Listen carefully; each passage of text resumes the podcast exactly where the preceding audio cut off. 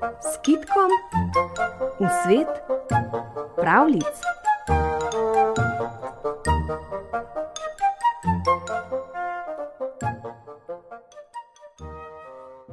Živel je mož, ki je imel štiri konje in je z njimi vozil po svetu.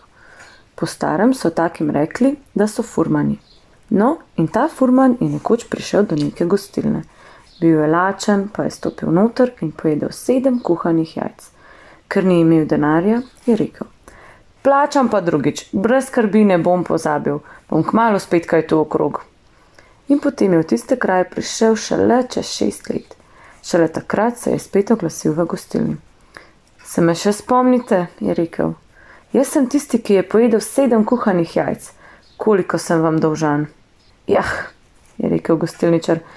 Vi mislite, da ste dolžni le za jajca, ampak meni bi se iz tistih jajc lahko izvrli piščanci. Piščanci bi zrasli v kokoši in kokoši bi spet imeli piščančke. Veste, koliko bi jaz lahko dobil? To je šest let, to je, uf, koliko piščancev.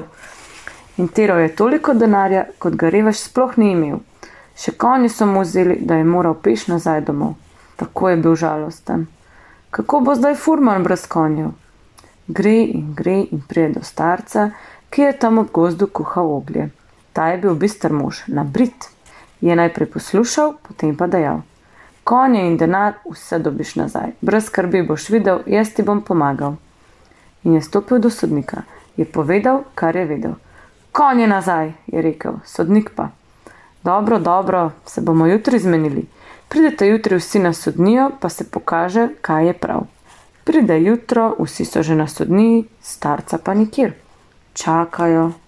Bilo je že skoraj enajst, ko se je prikazal. Pa kaj je s tabo človek, da te ni, se je jezil sodnik. Starček pa. Jah, veste, je rekel, sem čakal doma, da se mi skuha Bob. Moral sem ga skuhati, da ga bomo popovdne lahko sadili.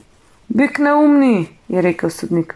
Si že kdaj slišal, da se kuhan bob sadi?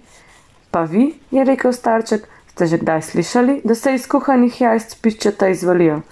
Sodnik je videl, da ima starec prav. In je gostilničarju rekel, naj konje vrne, in je bil furman spet lahko furman.